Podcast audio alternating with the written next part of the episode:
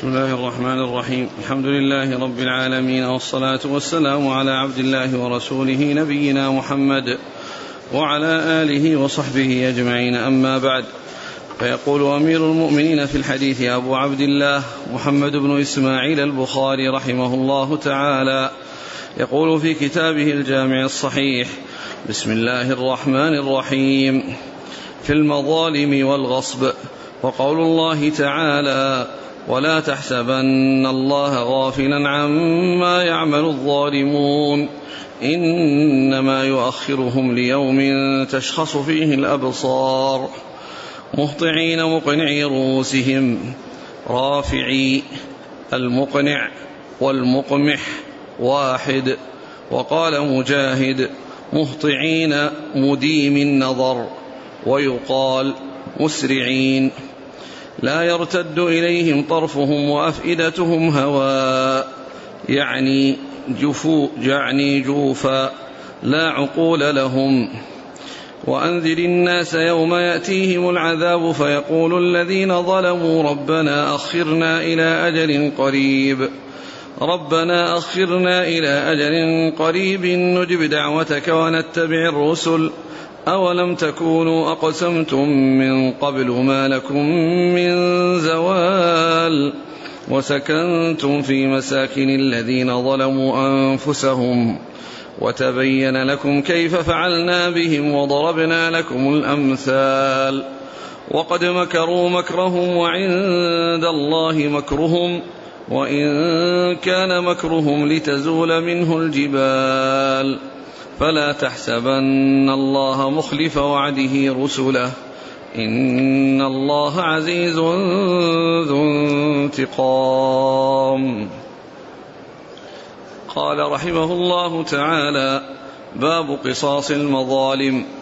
قال حدثنا إسحاق بن إبراهيم قال أخبرنا معاذ بن هشام قال حدثني أبي عن قتادة عن أبي المتوكل الناجي عن أبي سعيد الخدري رضي الله عنه عن رسول الله صلى الله عليه وآله وسلم أنه قال إذا خلص المؤمنون من النار حبسوا بقنطرة بين الجنة والنار فيتقاصون مظالم كانت بينهم في الدنيا حتى إذا نقوا وهذبوا أذن لهم بدخول الجنه فوالذي نفس محمد صلى الله عليه وسلم بيده لأحدهم بمسكنه في الجنة أدل بمنزله كان في الدنيا. وقال يونس بن محمد حدثنا شيبان عن قتادة قال حدثنا أبو المتوكل. بسم الله الرحمن الرحيم الحمد لله رب العالمين وصلى الله وسلم وبارك على عبده ورسوله نبينا محمد وعلى آله وأصحابه أجمعين. يقول الإمام النسائي رحمه الله يعني كتاب المظالم والغصب. المظالم والغصب المظالم أعم من الغصب والغصب أخص لأن الغصب يكون في الأشياء التي تغتصب كالأراضي وكالأموال وغير ذلك. وأما الظلم فإنه يكون فيها ويكون أيضا فيما يتعلق بالأعراض والكلام والكلام في, في, في الناس فإن هذا يقال له ظلم ولا يقال له غصب. يعني كلام الناس بعضهم من بعض يقال له ظلم. وأن هذا ظلم هذا بكلامه فيه ونيله منه ونيله من عرضه. ولكن لا يقال له غصب. فإذا المظالم أعم من الغصب لأنها تشمل ما كان فيه الغصب كالأموال و و و وتشمل ما لا غصب فيه كالأعراض والكلام في الأشخاص والسب والشتم وغير ذلك فإن هذا يطلق عليه ظلم ولا يطلق عليه غصب. يطلق عليه ظلم ولا يطلق عليه غصب. ثم ذكر الآيات من آخر سورة من آخر سورة إبراهيم وفيها الظلم وبيان خطورته. قال فلا تحسبن الله غافلا عما يعمل الظالمون إنما يؤخرهم ليوم تشخص فيه تشخص. فيه الأبصار. وأتى بكلمة تشخص وفسرها بأنها يعني آه أنها ترفع. يعني أن هو قال مهطعين مقنعي رؤوسهم. مقنعي رؤوسهم. هذا مقنعي يعني رافعيها لأنه يفسر بالرفع. ولهذا جاء يعني في آه، الحديث في الركوع لا يقنعه ولا يخفضه. يعني لا يرفعه وإنما يكون متساوي مع ظهره في الركوع لا رفع ولا خفض. وذكر أيضا يعني الشارح أن أن فيه من يقول بأن بأنه يطلق على على الخفض وعلى الرفع يقال له يعني يقال له هذا وهذا لكن الذي جاء في حديث الركوع فيه ذكر تقنيع الرأس الذي هو رفعه في مقابل خفضه. نعم. المقنع والمقمح واحد. والمقنع يعني الذي يقنع رأسه والمقمح واحد أي المقمح الذي جاء في سورة ياسين. وقال مجاهد مهطعين مديمي النظر. مهطعين مديمي النظر مهطعين مديم النظر. يعني أنهم يعني ينظرون ويديمون النظر من شدة الهول الذي هم فيه. ويقال مسرعين. ويقال مسرعين. يعني يفسر بإدامة النظر ويفسر بالإسراع. لا يرتد إليهم طرفهم وأفئدتهم هواء يعني جوفا لا عقول لهم. يعني جوفا يعني خالية لا عقول لهم. يعني آه، أفئدة ليس فيها عقل ليس فيها من العقل شيء. يعني جوفا خالية ليس فيها عقل. ثم وأفئدتهم هواء يعني خالية من العقول. نعم. قال باب قصاص المظالم. ثم قال باب قصاص المظالم. المظالم التي تكون بين الناس يعني آه، مطلقة لأنها كما قلت تشمل يعني ما كان يتعلق بالأموال وما كان يتعلق بالأعراض. والنيل, من والنيل منهم والكلام فيهم. فإن هذه كلها مظالم. ثم ذكر الحديث أن أن أهل الجنة إذا تجاوزوا النار و يعني حبسوا على قنطرة بين الجنة والنار فيقتص من بعضهم لبعض لأنهم انتهوا من النار لا سبيل لهم في, الوقوع فيها لأنهم تجاوزوها. تجاوزوا النار ولم يدخلوا الجنة فكانوا في مكان بين الجنة والنار فيقتص بعضهم من بعض. وهذا الاقتصاص يعني لا يترتب عليه هلاك ويترتب عليه عذاب وإنما يترتب عليه تفاوت في الدرجات في الجنة. يتفاوت عليه تفاوت في الدرجات في الجنة فيكون لهذا من هذا ما آه، ترتفع به درجته ويحصل به درجة عالية. ثم إنهم يؤذن لهم في دخول الجنة ويقول الرسول صلى الله عليه وسلم إن, إن, إن كل واحد منهم أعرف بمنزله بالجنة من معرفته بمنزله منزله في الدنيا. يعني أن الله تعالى يعني يعطيهم ويجعل فيهم المعرفة التي بها يذهبون إلى منازلهم وأن وصولهم إلى منازلهم في الجنة ويعني هم أشد معرفة بذلك من معرفة منازلهم في الدنيا أو بيوتهم في الدنيا. نعم. قال حدثنا إسحاق بن إبراهيم بن راهوية عن معاذ بن هشام نعم. عن أبيه هشام بن أبي عبد الله الدستوائي الدستوائي نعم. عن قتادة بن دعامة. عن أبي المتوكل الناجي. نعم. قال علي بن دؤاد. ها؟ هكذا يقول بضم الدال. علي, علي بن دؤاد؟ نعم. نعم اسمه نعم. علي بن دؤاد عن أبي سعيد الخدري. نعم. وقال يونس بن محمد نعم. المؤدب البغدادي. نعم. قال حدثنا شيبان بن عبد الرحمن. عن قتادة عن أبي المتوكل. عن قتادة عن أبي المتوكل هنا صرح بالتحديد. لأن هذا الإسناد فيه تصريح قتادة بالتحديد. من أبي المتوكل؟ نعم. قال رحمه الله تعالى باب قول الله تعالى ألا نعلة ألا لعنة الله على الظالمين. قال حدثنا موسى بن إسماعيل قال حدثنا همام قال أخبرني قتادة عن صفوان بن محرز المازني قال بينما أنا أمشي مع ابن عمر رضي الله عنهما آخذ بيده إذ عرض رجل فقال كيف سمعت رسول الله صلى الله عليه وسلم في النجوى؟ فقال سمعت رسول الله صلى الله عليه وسلم يقول إن الله يدني المؤمن فيضع عليه كنفه. ويستره فيقول أتعرف ذنب كذا؟ أتعرف ذنب كذا؟ فيقول نعم أي رب حتى إذا قرره بذنوبه ورأى في نفسه أنه هلك قال سترتها عليك في الدنيا وأنا, أغفرها لك اليوم. فيعطى كتاب حسناته وأما الكافر والمنافقون فيقول فيقول الأشهاد هؤلاء الذين كذبوا على ربهم ألا لعنة الله على الظالمين. ثم أتى بقوله باب قول الله عز وجل ألا لعنة الله على الظالمين. وأتى بهذا الحديث الذي ختم بهذه الجملة من الآية التي يقول يعني يقال لهم يوم القيامة ألا لعنة الله على الظالمين. ألا لعنة الله على الظالمين. وهذا فيه بيان يعني خطورة الظلم وأن صاحبه ملعون وأنه من حصلت له اللعنة ومعلوم أن هذا إنما يطلق على العموم. أما بالنسبة للأشخاص إذا حصل منه ظلم فلا يلعن. لا يلعن وإنما يلعن بالعموم. يعني مثل لعنة الله على الظالمين لعن الله السارق يسرق البيضة وهكذا. ولكن لا يلعن الشخص المعين. لا يلعن الشخص المعين. ثم ذكر هذا الحديث آه، أن أن أن, أن ابن عمر رضي الله عنه كان يسير فجاءه رجل وسأله عن نجوى يعني مناجاة الله عز وجل والنجوى التي تكون بين الله وبين عبده.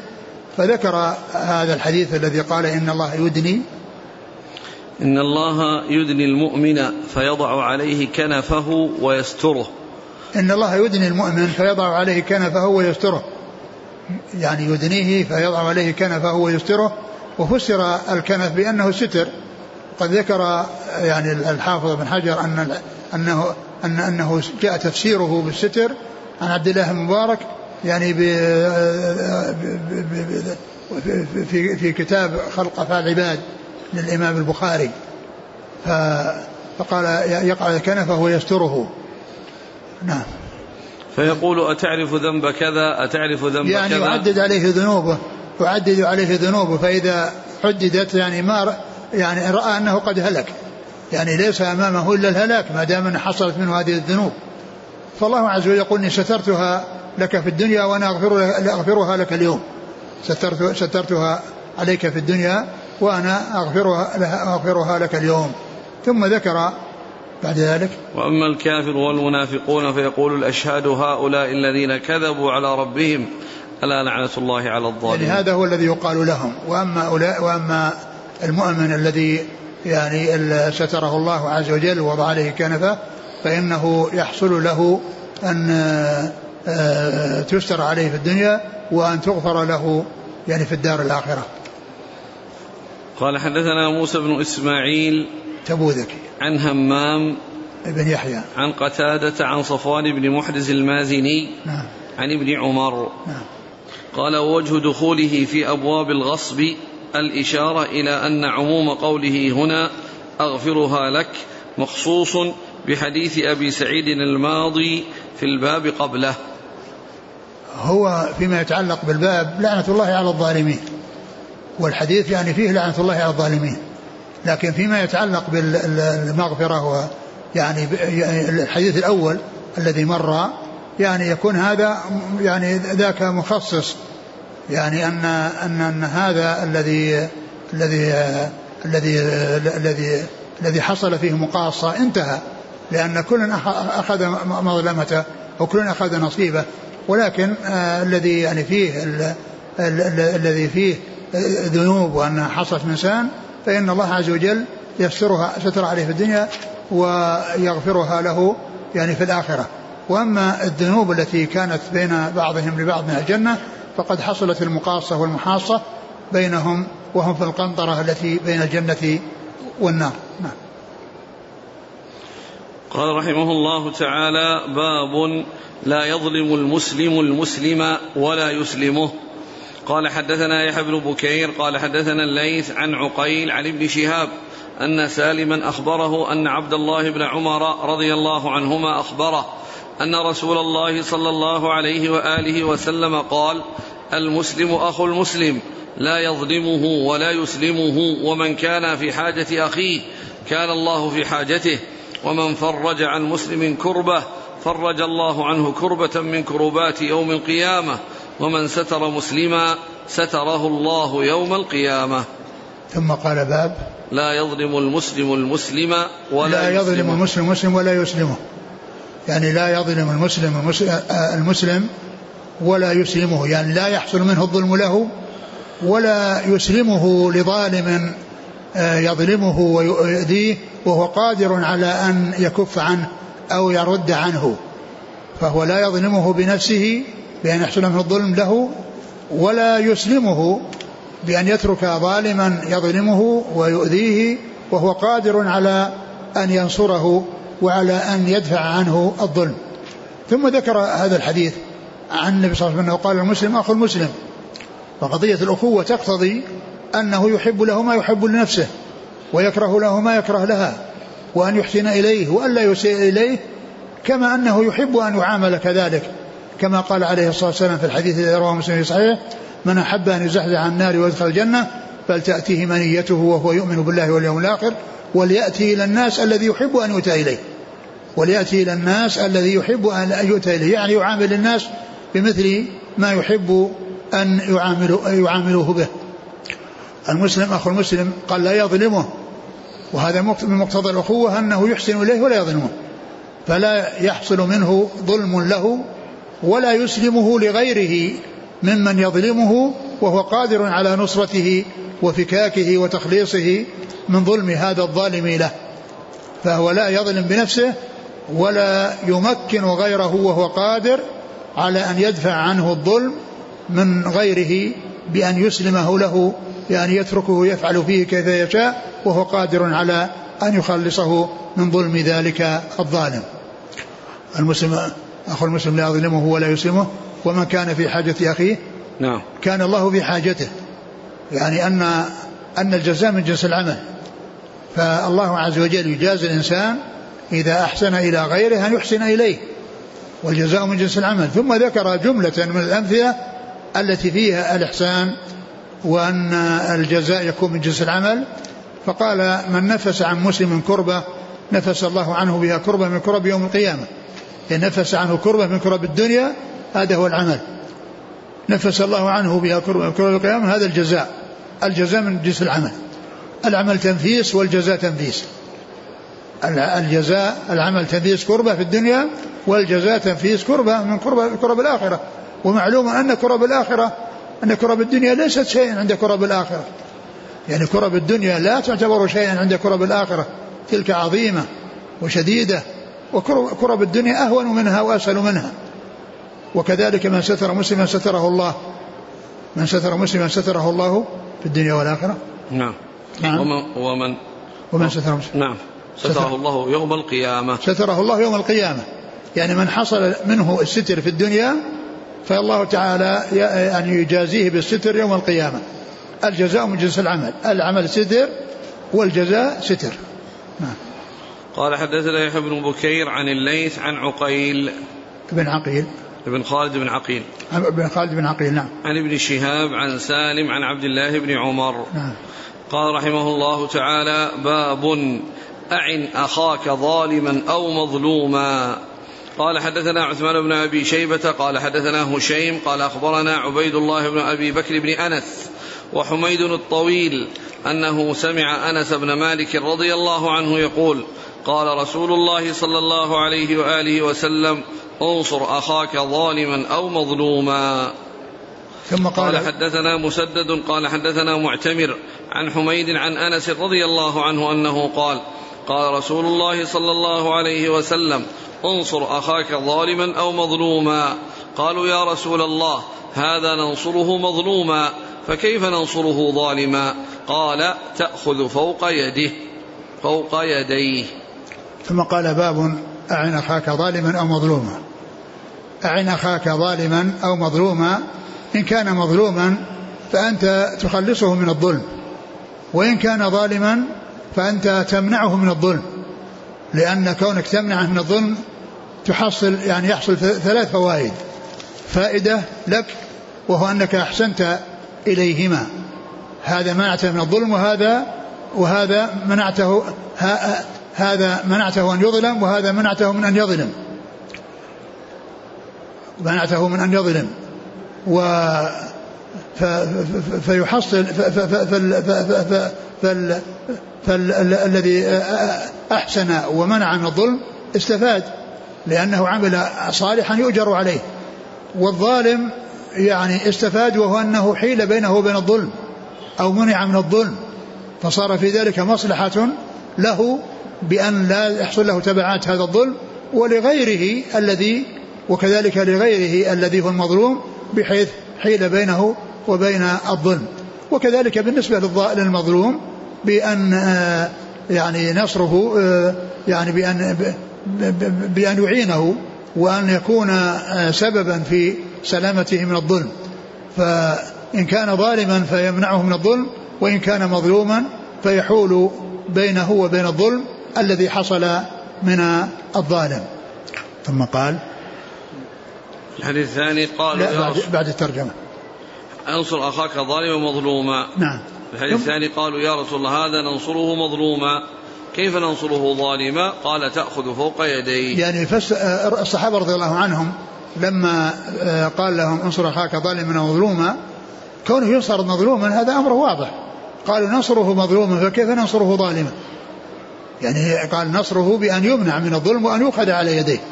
يمنع من الظلم ويؤخذ على يديه.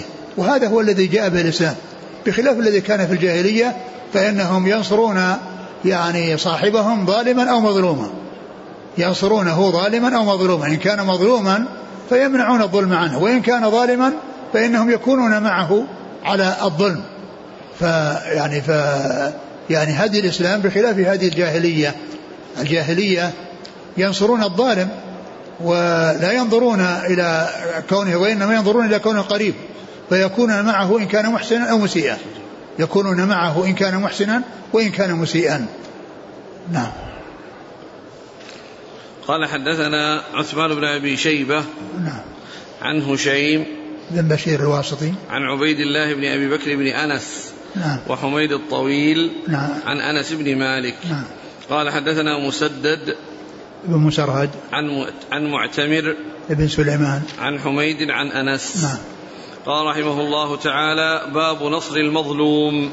قال حدثنا سعيد بن الربيع. قال حدثنا شعبة عن الأشعث بن سليم. قال سمعت معاوية بن سويد. قال سمعت البراء بن عازب رضي الله عنهما قال أمرنا النبي صلى الله عليه وسلم بسبع ونهانا عن سبع فذكر عيادة المريض واتباع الجنائز.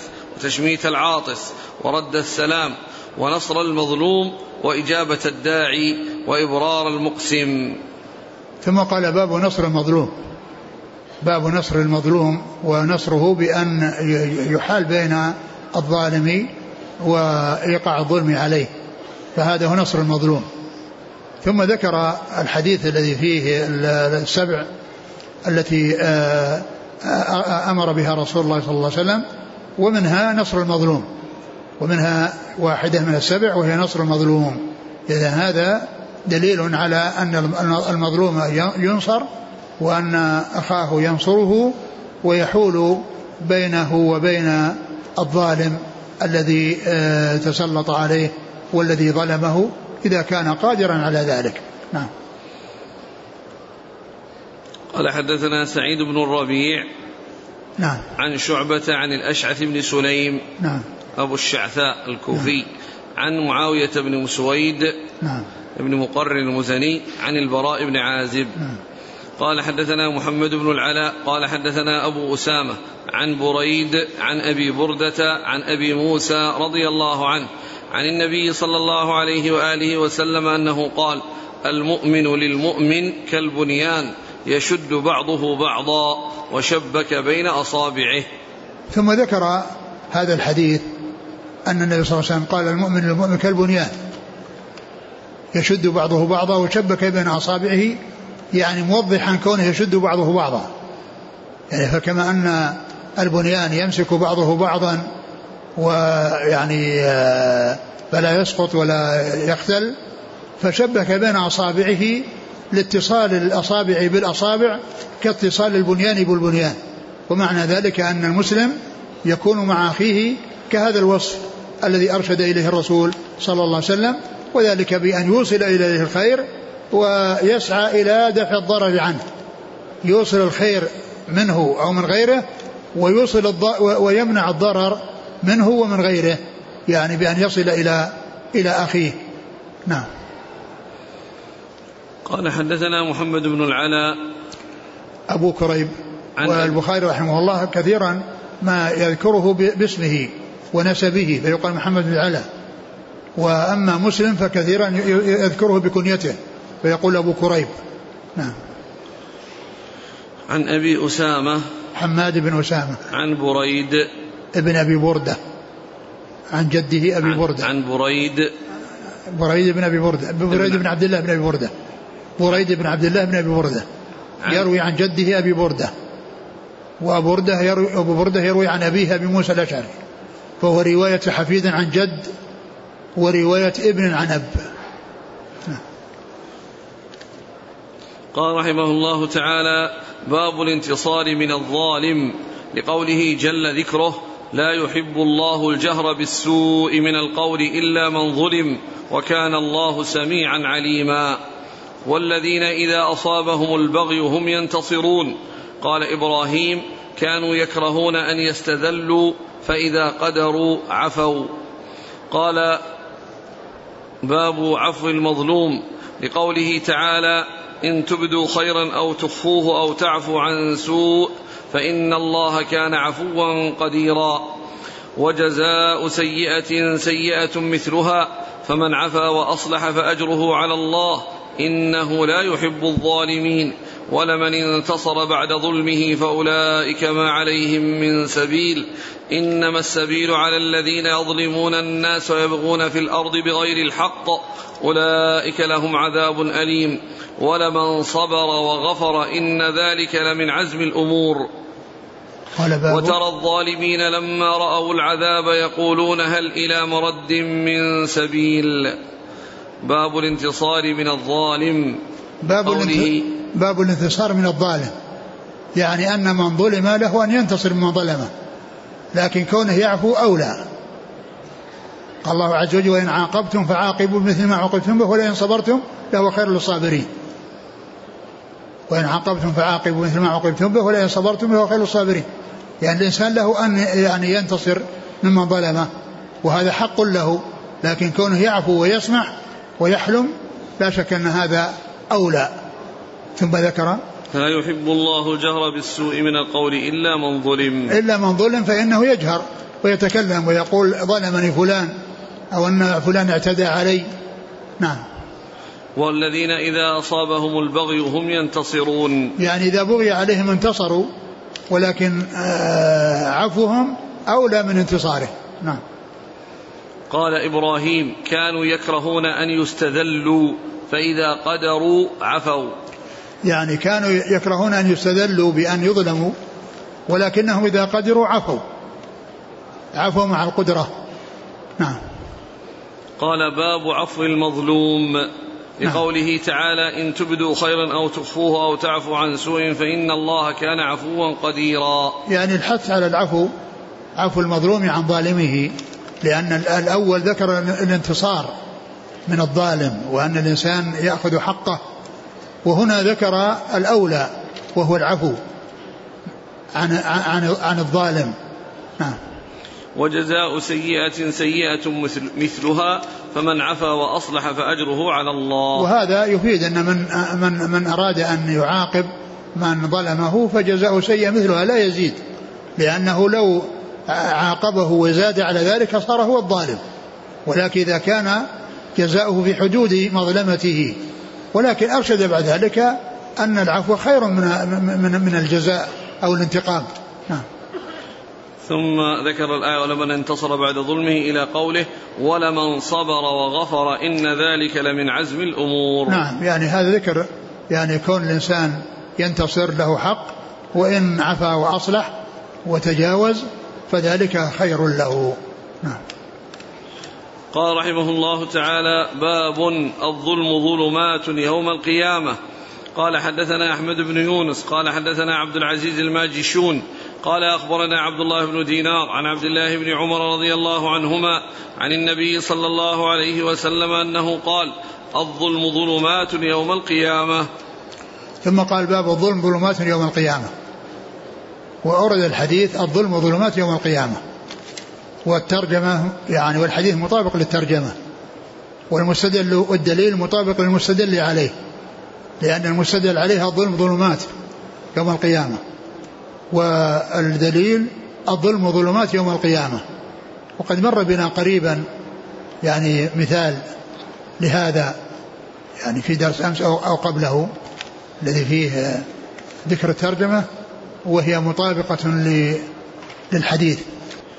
مطل الغني ظلم قال صلى الله عليه وسلم مطل الغني ظلم. ها؟ باب مطل الغني ظلم نعم. قال صلى الله عليه وسلم مطل الغني نعم. ظلم. يعني مطل الغني ظلم هذه ترجمة والحديث مطل الغني ظلم. فالدليل مطابق للمستدل عليه. فهذا الذي معنا الذي هو ظلم ظلمات القيامة من جنس مطل الغني ظلم. وذكرت مثالا آخر وهو الذي يأتي في كتب الفقه يقولون وإذا أقيمت الصلاة فلا صلاة إلا المكتوبة لقوله صلى الله عليه وسلم إذا أقيمت الصلاة فلا صلاة إلا المكتوبة فيكون المستدل عليه والدليل متفقان في اللفظ والمعنى. نعم.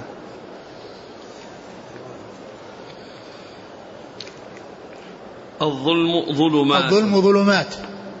يعني الظلم يعني آه يعني يكون في, في, في الدنيا هو ظلم لأنه إساءة إلى الغير. وجزاؤه أنه يكون ظلمات يوم القيامة. يعني الجزاء يعني مشتق من من من اللفظ لأن اللفظ ظلم وذاك ظلمات. يعني جزاؤه أنه يكون ظلمات يعني يوم القيامة الذي الذي هو ضد الإضاءة والنور. نعم. قال حدثنا أحمد بن يونس. نعم. عن عبد العزيز بن الماجشون. نعم. عن عبد الله بن دينار. عن عبد الله بن عمر. نعم. قال رحمه الله تعالى باب الاتقاء والحذر من دعوة المظلوم. قال حدثنا يحيى بن موسى قال حدثنا وكيع قال حدثنا زكريا بن إسحاق المكي عن يحيى بن عبد الله بن صيفي عن أبي معبد مولى بن عباس عن ابن عباس رضي الله عنهما أن النبي صلى الله عليه وآله وسلم بعث معاذا إلى اليمن فقال اتق دعوة المظلوم فإنها ليس بينها وبين الله حجاب. قال باب اتقاء دعوة المظلوم. الاتقاء والحذر من دعوة المظلوم. الاتقاء والحذر من دعوة المظلوم. يعني أن الإنسان يجتنب الظلم لئلا يدعو عليه المظلوم فيجيب الله دعوته. ففيه التحذير من الظلم والتحذير من ما يترتب على الظلم من دعوة المظلوم على ظالمه فيستجيب الله دعوته. وذكر قطعة من حديث ابن عباس في قصة بعث معاذ إلى اليمن وفيه أنه لما آه، قال له آه، أن الله افترض عليهم خمس آه، صدقة في أموالهم تؤخذ من أغنيائهم وترد على فقرائهم قال فانهم اجابوك لذلك فإياك وكرائم أموالهم. يعني لا تأخذ كرائم الأموال في الصدقة لأن أخذها ظلم وإنما يأخذ من الوسط. فلا يأخذ الكرائم فيظلم صاحب المال ولا يأخذ الرديء فيظلم الفقراء والمساكين وإنما يكون من أوساط المال لا من جيده ولا من رديئه من وسطه. وقال واتق آه، وإياك احذر أن تأخذ كرائم الأموال. فهذا فيه يعني أن, أن, أن نأخذ الكرائم ظلم. ثم قال واتق دعوة المظلوم لأنك لو أخذت كرائم الأموال كنت ظالما لأصحاب الأموال فيدعون عليك ودعوة المظلوم مستجابة ليس بينها وبين الله حجاب. نعم. قال حدثنا يحيى بن موسى عن وكيع بالجراح عن زكريا بن إسحاق المكي عن يحيى بن عبد الله بن صيفي عن أبي معبد نعم. مولى بن عباس واسمه نافذ. نعم. عن ابن عباس. قال رحمه الله تعالى باب من كانت له مظلمة عند الرجل فحللها له هل يبين مظلمته؟ قال حدثنا آدم بن أبي إياس قال حدثنا ابن أبي ذئب قال حدثنا سعيد المقبري عن أبي هريرة رضي الله عنه أنه قال قال رسول الله صلى الله عليه وآله وسلم من كانت له مظلمة لأحد من عرضه أو شيء فليتحلله منه اليوم قبل الا يكون دينار ولا درهم. إن كان له عمل صالح أخذ منه بقدر مظلمته وإن لم تكن له حسنات أخذ من سيئات صاحبه فحمل عليه. قال باب قال أبو عبد الله. قال إسماعيل بن أبي أويس إنما سمي المقبوري لأنه كان نزل ناحية المقابر. قال أبو عبد الله وسعيد المقبوري هو مولى بني ليث وهو سعيد بن أبي سعيد واسم أبي سعيد كيسان. باب من كانت له مظلمة عند الرجل فحللها له. هل يبين مظلمته؟ من كانت له مظلمة آه، يعني من كانت له مظلمة عند الرجل عند الرجل فحللها له. فحللها له. هل يبين مظلمته؟ مظلمته؟ يعني أن الإنسان إذا كان يعني آه، آه، ظالما لغيره وأراد أن يتخلص من آثار ذلك الظلم وطلب منه أن يبيحه وأن يحلله. وأن يجعله في حل فهذا هو الذي ينبغي للإنسان. والإنسان الذي آه، يعني يطلب منه يعني إن أن أحله فهو خير له وإن لم يحله فله ذلك. ويجد يعني جزاء ذلك في الدار الآخرة. لكن من عفا وأصلح فأجره على الله. من عفا وأصلح فأجره على الله. والله تعالى يأجره على تسامحه وعلى إحسانه إلى غيره بمسامحته. ويمكن أن يكون الإنسان يسأل يعني يطلب التحليل من مسألة معينة أو يعني وذاك يحله منها أو أنه إذا كان يترتب عليها مشقة أو ذكرها له قد يعني يزيد في آه، بينه وما في نفسه. فكونه يعني يعني يجمل ولا يعني يذكر الشيء الذي يكون فيه تأثير وإنما يذكر أن أنني يعني حصل مني تقصير معك وأنه حصل مني يعني شيء يعني لا أحب أن يكون مني وأرجو أن تسامحني في آه، ما صدر مني في حقك وإن لم يبين. التبيين ليس بلازم. يعني ليس ليس بلازم أن أن السائل أن المستبيح الذي يطلب الإباحة والحل يعني يبين لأنه قد يكون البيان فيه آه، يعني آه، تأثر قد يكون فيه تأثر وأن ذاك يعني يزداد استياء يعني من ذلك. لكن كونه يذكره بالإجمال ويقول إنني حصل من مني معك يعني شيئا ما ما أحب أن يكون وأنا تائب إلى الله وأنا أرجو منك أن تسامحني لا يلزم أن يقول المظلمة الفلانية وإن عينها وقال أنا مسامحك فيها فكل ذلك صحيح. إن عين وإن لم يعين. نعم. حديث. قال من كان. عن أبي هريرة قال صلى الله عليه وسلم من كانت له مظلمة لأحد من عرضه أو شيء. من عرضه هذه تتعلق بالظلم الذي لا يتعلق بالأموال. قال أو شيء يعني آه، آه، أو, أو شيء يعني من غير ذلك. يعني قد يكون من المال. ولهذا حيث يوم لا يكون دينار ولا درهم. يعني يوم يكون لا دينار ولا درهم. ولا يكون التقاص بينهم بالدراهم والدنانير لأن الدراهم والدنانير انتهت في الدنيا وإنما التقاص بينهم يكون بالأعمال والسيئات. فإذا كان ال ال ال ال الإنسان المظلوم آه لظالمه حسنات أخذ من حسنات ظالمه وجعلت له وإن لم يكن له حسنات أخذ من سيئاتهم من سيئات يعني الظالم وطرح من سيئاته من, من, من سيئات ال يعني يعني من سيئات من سيئات مظلوم على الظالم. من سيئات المظلوم توضع على الظالم الظالم. ولهذا جاء في حديث أوضح من هذا جاء في صحيح مسلم قال أتدرون من المفلس؟ أتدرون من المفلس؟ قالوا المفلس من يأتي يوم القيامة بصلاة وزكاة وصيام. ويأتي وقد شتم هذا وضرب هذا وسفك دم هذا وأخذ مال هذا. يعني معناه ان أن الظلم هذا في أمور آه، مالية وأمور عرضية تتعلق بالعرض. فيعطى لهذا من حسناته. يعني من حسنات الظالم. من حسنات الظالم. من حسنات الظالم تعطى للمظلوم. فإن فنيت حسناته ولم يبقى له حسنات أخذ من سيئات المظلوم وطرح أو وضعت على الظالم. ثم طرح في النار. ف فال فال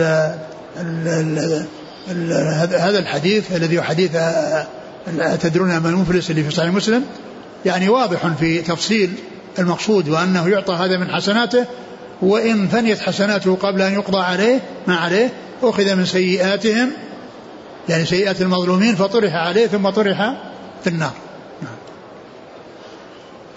فليتحلل هو منه اليوم قبل ألا يكون دينار ولا درهم. نعم يعني يتحلل منه في الدنيا قبل أن يكون في الآخرة. ما في دراهم ودنانير.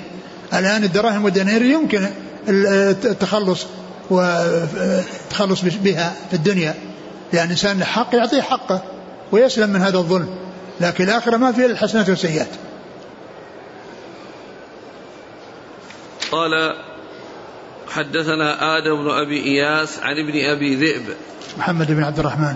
عن سعيد المقبوري نعم. عن أبي هريرة. سعيد بن أبي سعيد المقبوري. نعم. قال أبو عبد الله قال إسماعيل بن أبي أويس إنما سمي المقبري لأنه كان نزل ناحية المقابر. معلوم أن معلوم أن سعيد المقبري مر ذكره كثيرا في الأحاديث وفي الأسانيد اللي مضت. لكن هذا الكلام جاء في مكان متأخر. ولا وقد لا يهتدى إليه في المكان المتأخر. لكن إذا كان في أول موضع الإنسان عندما يقرأ وتذكر الفائدة في أول موضع هي تعرف وتستمر مع الإنسان. لكن إذا جاءت في يعني وسط الكتاب أو أثناء الكتاب ما يهتدى إليها. ما يهتدى إليها يعني مثل ما يعني تكون آه الإنسان يعني بدأ يقرأ وحصلها فإنه يستمر معه هذا المعنى. يستمر معه هذا المعنى. وهذا يعني آه المقبري قال إنه كان نزل ناحية المقبرة يعني جهة المقبرة أو قريب من المقبرة هذا منزله. فقيل له المقبري. نعم. هو مدني فهل يعني ينص على أنه كان بجوار مقابر البقيع؟ إيش؟ هو مدني. نعم. ويقال المقابر يعني يراد مقبر يمكن البقيع يمكن له منزل حول البقيع يمكن. قال أبو عبد الله وسعيد المقبري هو مولى بني ليث وهو سعيد بن أبي سعيد واسم أبي سعيد كيسان. نعم. يقول السائل ظلمت أناسا كثير نسيت بعضهم وأريد أن أتوب فماذا أفعل؟ عليك أن تجتهد في معرفتهم. وتوصل حقوقهم إليهم إن كانت مالية أو تستبيح منهم إن كانت يعني يعني تتعلق بالعرض تتعلق بالكلام فيهم. اجتهد في معرفتهم والتخلص من تبعات تلك المعاصي التي حصلت منك بالنسبة لهم فتعطيهم حقوقهم أو تستبيح منهم سواء كانت حقوق مالية أو حقوق تتعلق بالعرض. عليك أن تجتهد وأن تدعو يعني لهم وأن تدعو لكل من ظلمته يعني يعني بالاسم أو الذي أنت لا تعرفه وإنما تسأل الله عز وجل أن يعني يثيب من حصل مني له ظلم وأن يجزيه خيرا وأن يعظم له الأجر وأن يعني يغفر ذنوبه و عسى الله عز وجل أن يسلمك من ذلك. لكن إذا ما حصل استحلال في الدنيا فإن الأمر يعني يكون يوم القيامة كما كما جاء في الحديث الذي مر المفلس من يأتي يوم القيامة بكذا وكذا إلى آخره. إذا قال لصاحبه سامحتك حياء وخجلا لكن في نفسه هو لم يسامحه فهل يؤاخذ الظالم بذلك؟ والله إذا قال سامحه وأظهر له المسامحة وأعلن ذلك له يعني ولا شك أن الإنسان النفس يعني يكون فيها شيء لكن كونه يسامحه وإن كان في النفس شيء يرجى أن يكون يعني ذلك برئ ساحته. قال رحمه الله تعالى باب إذا حلله من ظلمه فلا رجوع فيه. قال حدثنا محمد قال أخبرنا عبد الله قال أخبرنا هشام بن عروة عن أبيه عن عائشة رضي الله عنها. وإن امرأة خافت من بعلها نشوزا أو إعراضا قالت الرجل يكون عنده المرأة ليس بمستكثر منها يريد أن يفارقها فتقول أجعلك من شأني في حل فنزلت هذه الآية في ذلك. ثم قال باب إذا حلله من ظلمه فلا رجوع فيه. إذا حل له من ظلمه فلا رجوع فيه. يعني لا رجوع في هذا الذي حصل منه التحليل. ثم ذكر قصة المرأة التي تكون عند الرجل وتطول مدته عنده ثم إنه لا يكترث بها أو لا يستكثر منها. يعني لا يهتم بها ويريد أن يفارقها وهي تريد أن تبقى يعني في عصمته. ولو لم يحصل منها لا يحصل أنه يقسم لها. وإن لم يحصل أنه يقسم لها وإنما تريد أن أن تكون أن تبقى عنده لأمر من الأمور أو لأمر يعني تدعو الحاجة إليه فإنها بمسامحتها له بأن بأنه أنه لم يطلقها بسبب أنها تنازلت عن حقها فإنها لا ترجع في ذلك الحق لأنه حصل يعني الاتفاق على هذا الشيء فهي لا ترجع فيه. نعم. قال حدثنا محمد عن عبد الله. محمد آه، محمد بن مقاتل المروزي. عن عبد الله بن مبارك المروزي. عن هشام بن عروة عن أبيه عن عائشة. نعم. قال رحمه الله تعالى باب إذا أذن له أو أحله ولم يبين كم هو. قال حدثنا عبد الله بن يوسف قال أخبرنا مالك عن أبي حازم بن دينار. عن سهل بن سعد رضي الساعدي رضي الله عنهما أن رسول الله صلى الله عليه وسلم أتي بشراب فشرب منه وعن يمينه غلام وعن يساره الأشياخ فقال للغلام أتأذن لي أن أعطي هؤلاء؟ فقال الغلام لا والله يا رسول الله لا أوثر بنصيبي منك أحدا. قال فتله رسول الله صلى الله عليه وسلم في يده. باب إذا أذن له أو أحله ولم يبين كم هو. إذا أذن أذن له أي لغيره أو أحله له ولم يبين كم هو أي المقدار الذي حصل منه التنازل عنه. فيعني فإن ذلك لا بأس به. يعني لأنه ليس كل شيء يمكن معرفته. وهنا يعني غير محدد وإنما هو مجهول.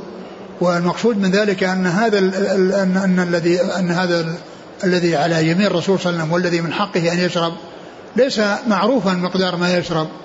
وكذلك الذين أعطوا ليس معروفا مقدار ما يشربون. ليس معروف مقدار ما يشربون.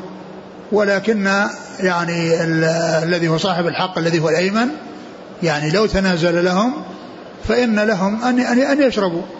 وهذا الشيء الذي يشربونه ليس معلوم المقدار ليس معلوم المقدار ولكنه آه، أبيح لهم وإن لم يكن معروف المقدار لأن هذا شيء لا ينضبط ولا يحدد ولا يقول أنك تشرب يعني آه، آه، يعني مضغة ولا مضغتين أو يحدد كذا وإنما يعطيه ويشرب يعني حاجته.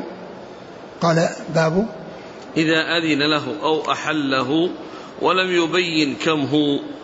يعني هذا يتعلق بالحديث في كون الغلام أذن الأشياخ أنهم يشربوا ولم يبين يعني المقدار الذي يشربونه.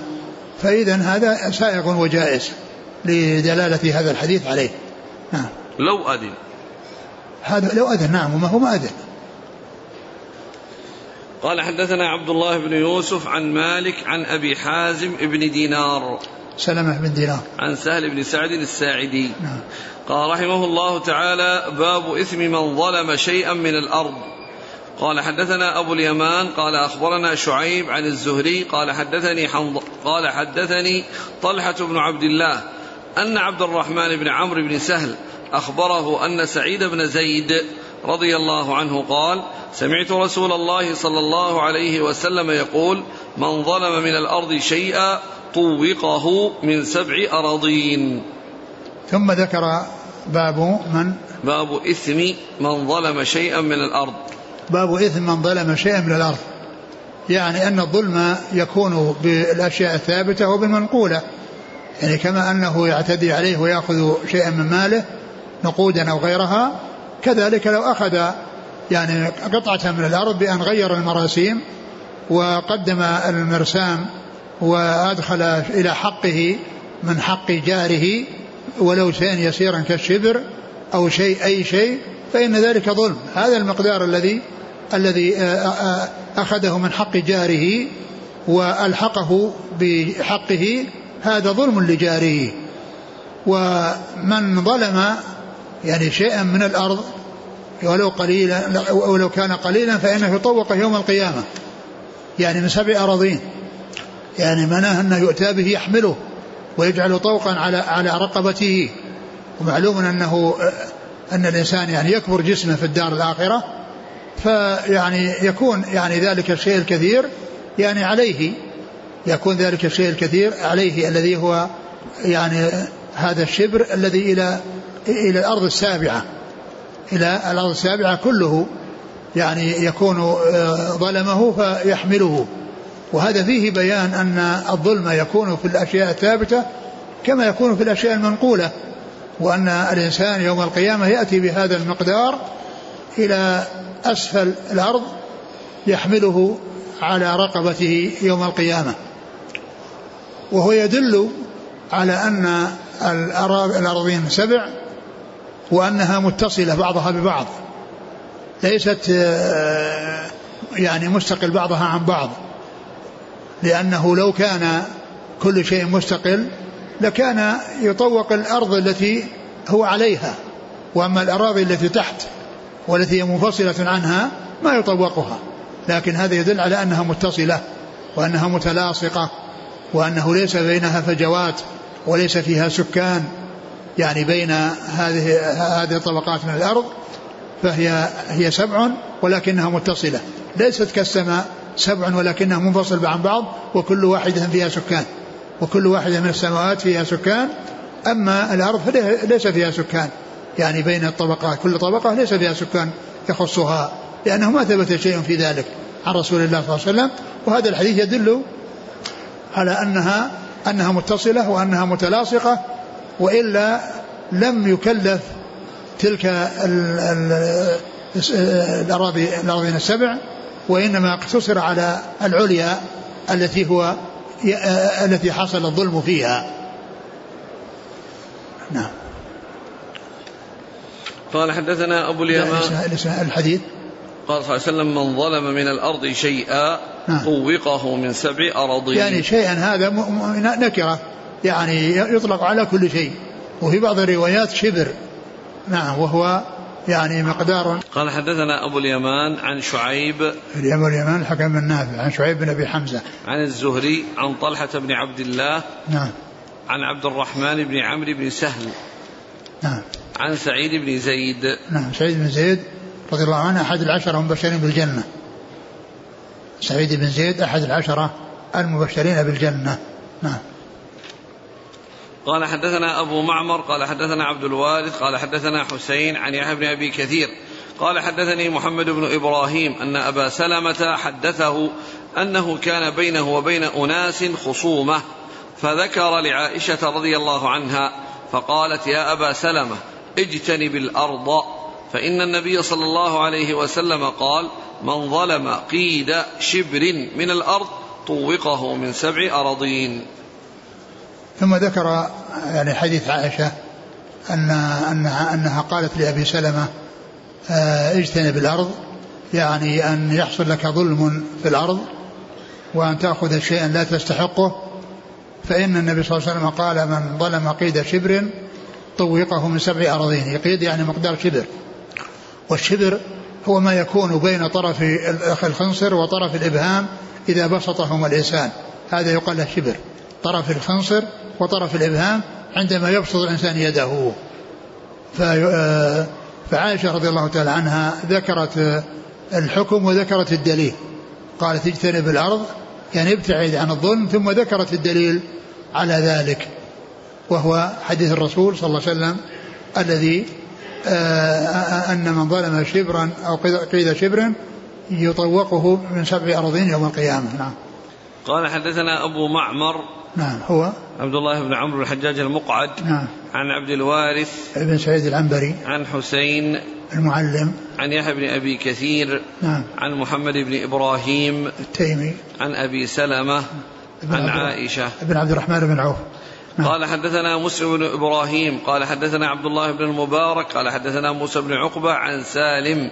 عن أبيه رضي الله عنه أنه قال قال النبي صلى الله عليه وآله وسلم من أخذ من الأرض شيئا بغير حقه خسف به يوم القيامة إلى سبع أراضين.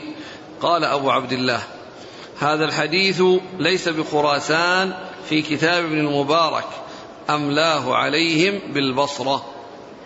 ثم أتى بحديث ابن عمر قال من ظلم شبرا أو شيئا؟ من أخذ من الأرض شيئا من أخذ من الأرض شيئا حقه بغير حقه خسف به إلى يوم القيامة. إيه، خسف به. يوم القيامة. آه. إلى سبع أراضين إلى إلى سبع أراضين خسف به يوم القيامة إلى سبع أراضين نعم. قال حدثنا مسلم بن إبراهيم الفراهيدي. عن عبد الله بن المبارك عن موسى بن عقبة عن سالم عن أبيه. نعم. قال أبو عبد الله هذا الحديث ليس بخراسان في كتاب المبارك أملاه عليهم بالبصرة؟ يعني أن هذا الحديث يعني ليس في كتاب ابن مبارك في خراسان وإنما أملاه من حفظه عليهم بالبصرة. وسواء كان في كتابه أو خارج كتابه فإن ذلك معتبر ولا يلزم أن يكون أن يكون المعتبر ما كان في كتابه وما حدث به من حفظه يعني فإنه لا يعتبر وإنما آه، سواء وقد يكون في كتابه وقد يكون في كتابه و وحدث به من حفظه وقد لا يكون في كتابه. شوف كلام الحافظ بن حجر فيه. قال ليس بخراسان في كتب ابن المبارك يعني أن ابن المبارك صنف كتبه بخراسان نعم. وحدث بها هناك. وحملها عنه أهلها وحدث في أسفاره بأحاديث من حفظه زائدة على ما في كتبه هذا منها. نعم بعدين أملى عليهم بالبصرة. كذا للمستملي والسرخسي بحذف المفعول وأثبته الكشميهني فقال أملاه عليهم. واعلم أنه لا يلزم من كونه ليس في كتبه التي حدث بها بخراسان ألا يكون حدث به بخراسان. فإن نعيم بن حماد المروزي ممن حمل عنه بخراسان وقد حدث عنه بهذا الحديث.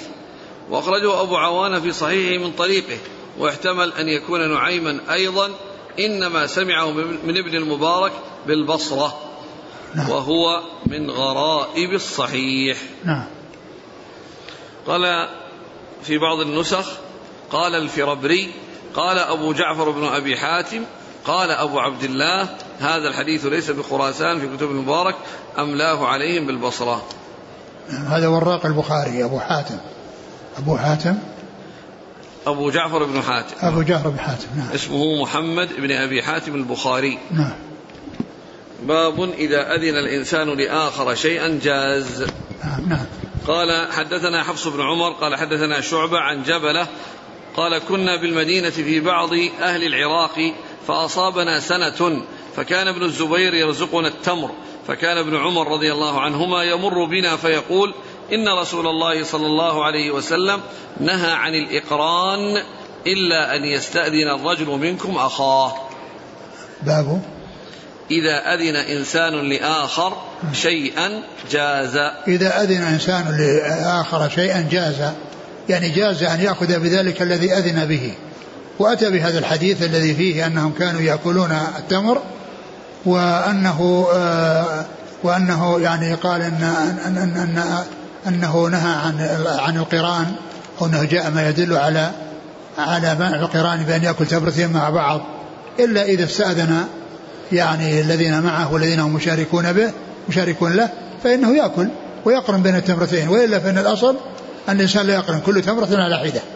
وإذا كان سيأكل أكثر بأن يكون مستعجلا ويريد أن يذهب بسرعة ولن ينتظر حتى ينتهوا واستأذنهم بأن يأكل يعني تمرتين يعني في مرة واحدة فلهم ذلك فله ذلك. قال باب إذا أذن إنسان لآخر شيئا جاز. يعني إذا أذن له في القرآن بين التمرتين فإنه يجوز له أن يأكل تمرتين وإن لم يأذن فالأصل أن كل واحد يأكل تمرة واحدة ولا يزيد عليها في وقت واحد. فإذا فرغ من التمرة أخذ تمرة ثانية. الحديث قال قال جبلة ابن سحيم الشيباني كنا بالمدينة في بعض أهل العراق. نعم. فأصابنا سنة.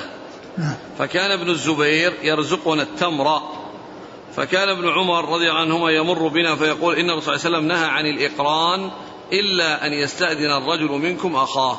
نعم. كنا بالمدينة في بعض أهل العراق. جايين يعني من أهل العراق. ها؟ يقول كنا بالمدينة في بعض أهل العراق. يعني كان جماعة من أهل العراق. فأصابنا سنة فكان ابن الزبير عبد الله. نعم. يعني كان مشهور بمكة. ما أدري المقصود المدينة هذه. يعني المدينة المقصود مدينة الرسول صلى الله عليه وسلم؟ أقول لا أدري لكن إيش قال فيه؟ فكان ابن عمر يمر بنا. كان ابن الزبير. وابن عمر في المدينة نعم.